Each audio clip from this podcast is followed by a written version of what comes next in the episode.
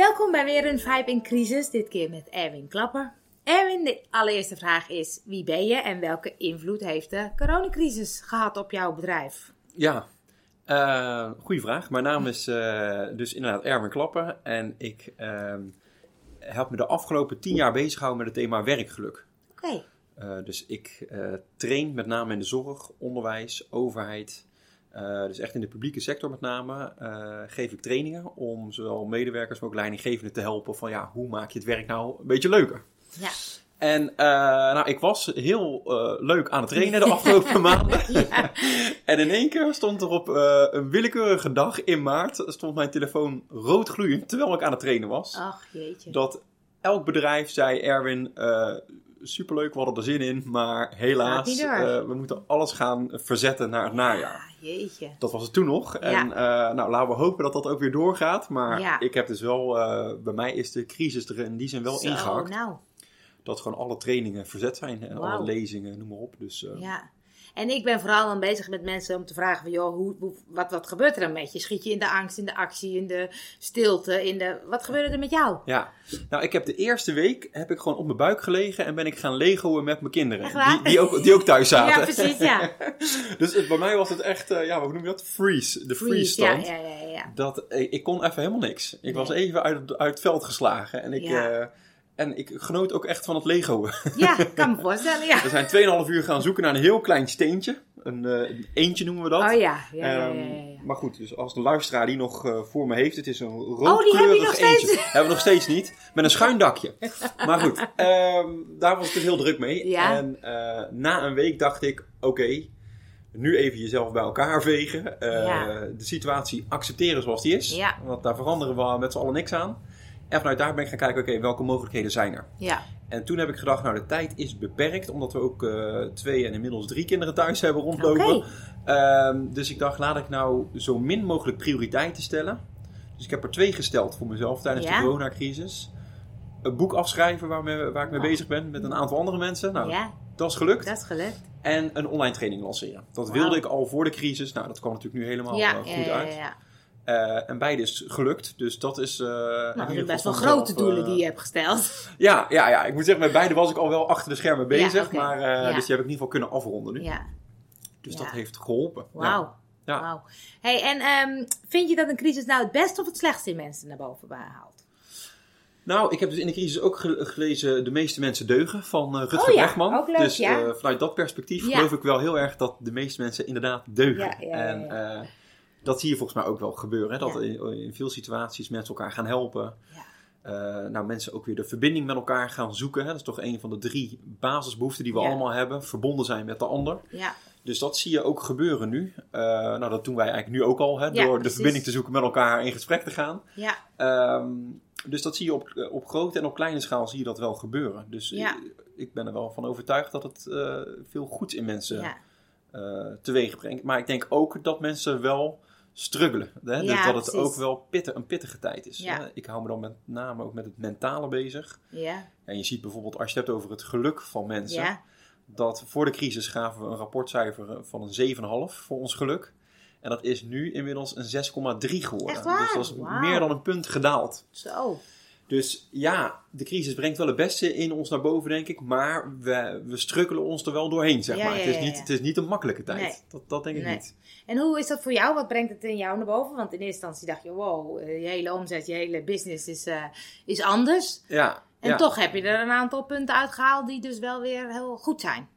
Ja dus ik, ik ben ook door de verschillende fases heen Ja, gegaan, precies, zeg ja. maar. Eerst Ja, dacht ik, oh, uh, nou, ja, toen, toen lag ik inderdaad uh, plat op de grond uh, te legoen. En toen dacht ik op een gegeven moment, en nu kom op, uh, ja, pak ook je verantwoordelijkheid als ondernemer. Ik vind dat ook een verantwoordelijkheid is is, om gewoon ja, een voorbeeld te tonen. En gewoon door te gaan en te kijken, hey, welke kansen biedt dit? Hè? Want dat is natuurlijk ook de bekende uitspraak van Churchill, hè? never waste a good crisis. Ja, precies, ja. Uh, ja, dat is volgens Ja. mij ook echt zo. Daar valt veel aan te doen. Het biedt ook veel nieuwe kansen. Ja. Um, dus ja, ik, ik ben door verschillende fases heen gegaan. En af en toe is het wel weer, heb ik weer een wat moeilijkere Ja. dag. En uh, voel ik ook wel de vermoeidheid erin sluipen die veel. Nederlanders nu hebben. Dat herken ik bij mezelf ook wel. Ja, En af en toe gaat het weer hartstikke goed. Dus het, uh, het wisselt gewoon. ja. Hey, en vind je dat we iets moeten leren van zo'n crisis? Nou, kijk, je, je, je kan natuurlijk wel je afvragen van, goh, is het nou nodig dat we elke dag eh, drie uur in de file staan? Ja, dan zeker. eh, op een heel drukke kantoortuin elkaar aan het afleiden zijn. En dan weer zonder iets gedaan te hebben, weer drie uur in de auto teruggaan. Hè? Dus, eh, en nu denk je wel, hey, misschien ben ik best wel effectief thuis. Ja, hè? precies, En eh, heb ik ook nog tijd voor mijn kinderen en voor mijn partner. En, eh, dus ja, het is natuurlijk een beetje gek wat we allemaal met elkaar deden met eh, eh, afspraken. Voor, voor wat eh, moeten we nou elke keer op en neer reizen? Op en neer. En eh, nog los van het milieu word je ermee belast. Ja. En eh, daar heb ik zelf ook aan meegedaan hoor. Dus eh, Ja. het is ook eh, zeker geen verwijt naar anderen, maar ook Nee, vooral naar mezelf. Ja, Dat je wel merkt, ja, we kunnen ook een aantal dingen echt wel anders gaan doen. kan anders, ja. Hè? En Ja. een, deel zal ook denk ik gewoon zo blijven zoals het nu is. Met Ja. thuiswerken, thuis vergaderen. En dan kom je nog wel naar kantoor toe, bijvoorbeeld om elkaar te ontmoeten. Hè? Want Ja, precies. waar, ja, moet dat dan vijf dagen in de week of kan dat twee dagen in de week? Ja, precies. Ja. Hey, wat, wat leer jij ervan, van de crisis? Wat heb je ervan geleerd of wat leer je er misschien nog steeds van? Ja, ik, ik denk dus wel ehm, eh, dat het goed is dat je even mag uithuilen. Maar Ja. dat je op een gegeven moment ook de situatie moet leren accepteren. Van Ja. oké, het is nou eenmaal zo. Ja, En ik merk dat dat voor heel veel mensen, maar dat is ook voor mezelf, ja, is dat even een knop. Weet je? Ja. Dat je even denken, oké, en nou eh, stoppen met eh, een soort slachtofferrol ja aan te nemen. Maar accepteer het en kijk vervolgens van, hé, welke mogelijkheden heb je? Ja, En dan dus ook niet te veel doen. Dat, Ja. Ik denk juist, eh, er is ook wel eens een uitspraak geweest van een bekende eh, psycholoog die zei: eh, Do less than obsess. Dat schijnt eigenlijk Oh, de ja. gouden regel te zijn mooi. om minder stress te ervaren, maar ook dus meer productiviteit te creëren. Minder prioriteiten stellen, maar de prioriteiten die je hebt, daar een soort obsessie voor te krijgen. Dus dat heb je natuurlijk precies gedaan met je boek en je online training. Ja, ik heb, ik heb eh, zijn raad heb het- ik aangenomen en eh, ter harte genomen. Ja, ja, ja, ja, ja. Dus dat is ook wat je ervan geleerd hebt. Van hey, dit, die, die focus die is belangrijk en die verantwoordelijkheid is belangrijk. Ja, dus dat, ja, je mag je even slachtoffer voelen, maar niet te lang. Weet je? Ja. Op een gegeven moment moet je verantwoordelijkheid nemen Ja. en, en, en dus een aantal prioriteiten voor Ja. jezelf stellen. Ja. En, en je leert natuurlijk enorm weer het herwaarderen van de natuur, Ja. van je gezin. eh, nou ja, weet je, heel veel Ja. dingen waar je normaal gesproken natuurlijk in een soort red race geen Ja, tijd voor hebt. Precies. Ja, daar ga je nu in één keer, gaan je ogen open en denken, goh, eh, wat mooi eigenlijk, Ja, weet je wel. precies. En, eh, dus het levert Ja. niet alleen maar iets slechts op, het Ja. levert ook heel veel goeds ja, op. mooi. mooi. Ga je ook iets anders doen na de crisis? Dat je denkt, oh, wacht even, dit ga ik nooit meer doen zoals ik dat ervoor deed.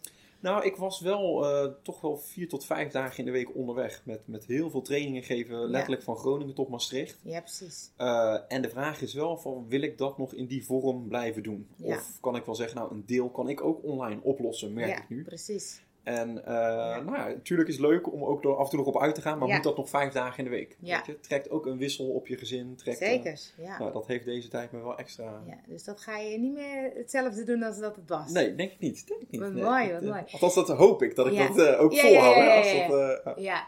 Hey, en een, een tip voor ondernemers, mensen waarvan je zegt, nou weet je, kijk eens naar de crisis, dit heb ik er heel erg van geleerd, of neem dit mee, of wat zou een tip zijn die je mee wil geven aan mensen?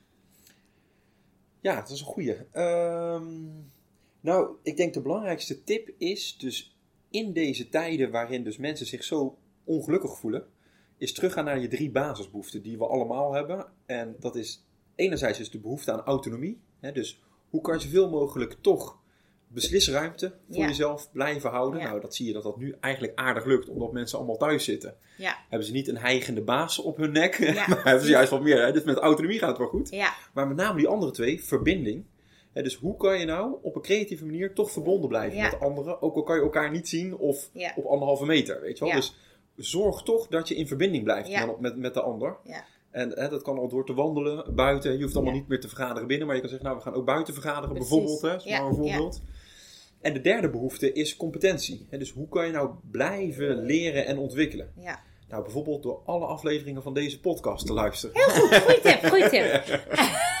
Maar zo kan je natuurlijk tig dingen online doen om ook bij te blijven in Ja. je vak. Ja, Dus ja, probeer de drie basisbehoeften bij jezelf te voeden. Autonomie, verbinding, competentie. Hè? Leer, leermogelijkheden.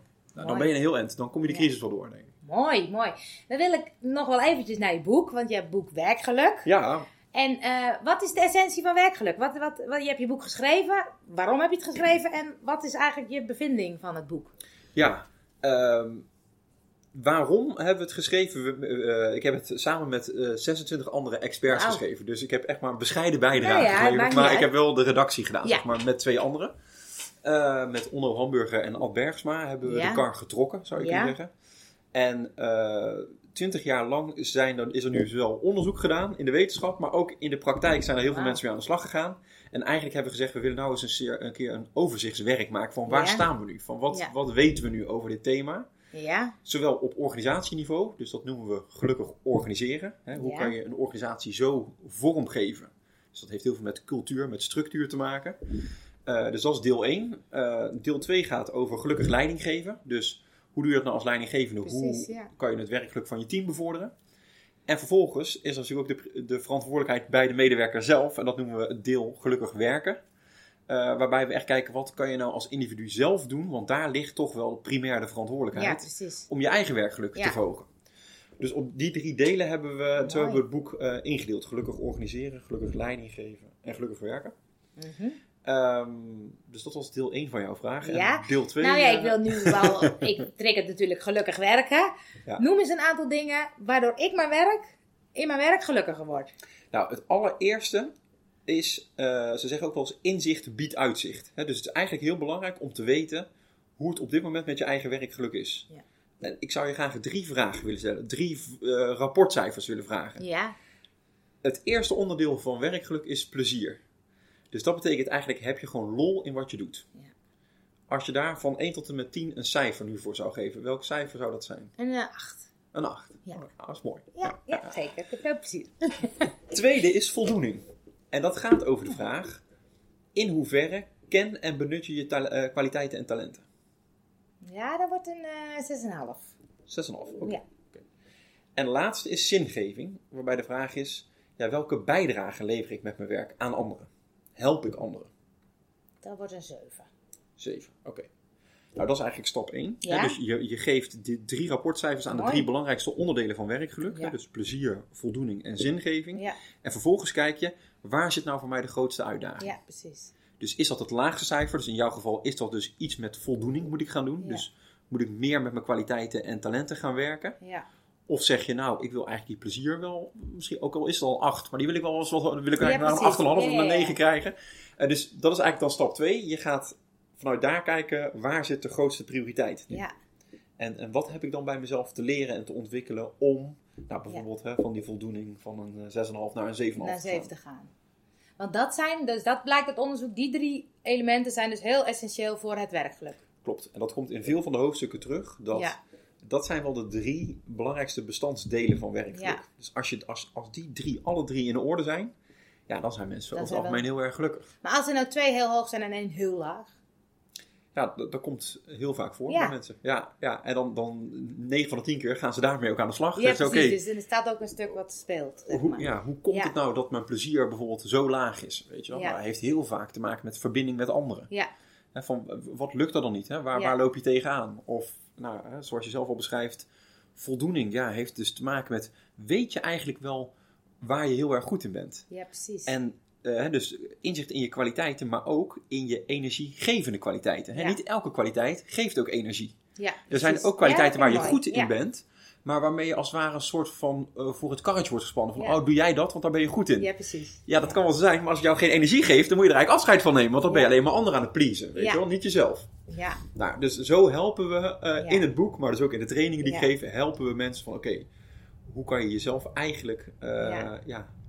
Oppoetsen. Hè? Leuk, Naar, ja. Leuk. Is het dan een heel wetenschappelijk boek of is het ook een soort, soort werkboek met hey, ik krijg inzichten en ik kan die stappen nemen of zo? ja, het, het zit juist inderdaad in de toepassing van de wetenschap Ja, in de praktijk. Dus we hebben heel erg ook gezocht naar mensen die eigenlijk met één been in de wetenschap staan, maar ook zeker met één been in de praktijk. Die ook gewoon echt eh, gewoon bij organisaties aan de slag zijn gegaan. Ja, Eh, ik denk dat dat het mooiste is. Hè? Ja. Dat je vanuit de ivoren toren van de wetenschap het Ja, ook echt wel gaat kijken. Ja, werkt dit nou in de Ja. praktijk? ja, leuk. Eh, En in je trainingen geef je dit ook weer mee. Dan ga je met groepen kijken hoe kan je werkgeluk of als leidinggevende vergroten. exact. Dus ja, met teams ga ik aan de slag. Wat kan je zelf doen? En met leidinggevende is de vraag, ja, hoe kan jij nou ook dat borgen? Hè? Want over het algemeen bakken leidinggevenden niet veel van. Nee? Eh, als je het hebt over ja, hoe stimuleer je nou je medewerkers? Ja. Hè? Hoe motiveer je ze? En, eh, nee, daar is een wereld te winnen. Ja? Ja, dus dat, dat, mijn handen jeuken om, Ja? om daarbij te helpen. Van, oké, Want wat is dan de grootste fout? Of, of, of wa- waarin maken ze de meeste missers? Of dat je denkt, daar valt nog wat te winnen? Bij leidinggevenden? leidinggevenden, of, ja. ehm, ja, dat, dat, he- dat heeft met verschillende dingen denk ik te maken. Maar een van de belangrijkste dingen is al is er vertrouwen. Ja. Weet je wel? Dus Ja. durven mensen te zijn wie ze zijn Ja, precies. op de werkvloer? Of denken ze, nou, ik hou deze opmerking maar even voor Ja, me. precies, ja. Hè? En eh, nou, een manier om eh, veiligheid en vertrouwen te creëren is jezelf kwetsbaar opstellen als Ja. leidinggevende. Ja, Dus ook gewoon eens eerlijk vertellen, ja, hoe zit ik nou in de ja wedstrijd? precies. Eh, maar dat, is, ja, dat getuigt van lef. Als, Ja. je, dat, als je dat durft, Zeker, van ja. jongens, hey, als ik even over mezelf praat tijdens corona, hoe voel ik me? Ja, Nou, ik zal heel eerlijk zijn, hè? Dat, dat is geen nee. Florerend verhaal. Nee, maar ja, als, je dat, als je die kwetsbaarheid durft te tonen, te tonen, ja. dan breekt dat het ijs. Ja. En dat is een soort basisvoorwaarde waardoor mensen zich gaan openstellen. Ja, en mooi.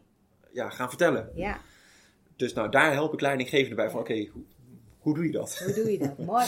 Ik kan nog veel verder met je kletsen, maar het is eh, tijd om af te ronden. En je had volgens mij nog een leuke, leuke verrassing. Ja, nee, zeker. Ja. We hebben het natuurlijk over een boek. Ja. En ehm, eh, het lijkt mij leuk om ehm, een luisteraar die nu denkt: hey, dit boek wil ik graag lezen. Ja, Om in ieder geval één boek beschikbaar te stellen. nou tof. Dus eh, misschien moeten we daar iets leuks voor bedenken. Ja. Van, hè, we kunnen dit misschien op LinkedIn plaatsen. En de mensen die reageren, eh, dat we daaruit iemand verloten. Is, Verloten. is dat een idee of Lijkt me niet? een goed plan. Nou. Ja, dus als iemand het luistert als podcast, kijk even op LinkedIn bij Angelle Bakker of bij Erwin Klappen. Yep. En dan moet je snel reageren. Dan gaan wij een soort loting doen. En dan eh, gaan we zorgen dat je het boek krijgt. Superleuk, Erwin. En nu doen we ook nog een leuke foto met elkaar en Ja, het boek. Hè? en dus het dan boek. Gaan we ook- weten mensen doen. ook hoe het eruit ziet. En wie wij zijn. Dankjewel, Erwin. Oké, jij bedankt.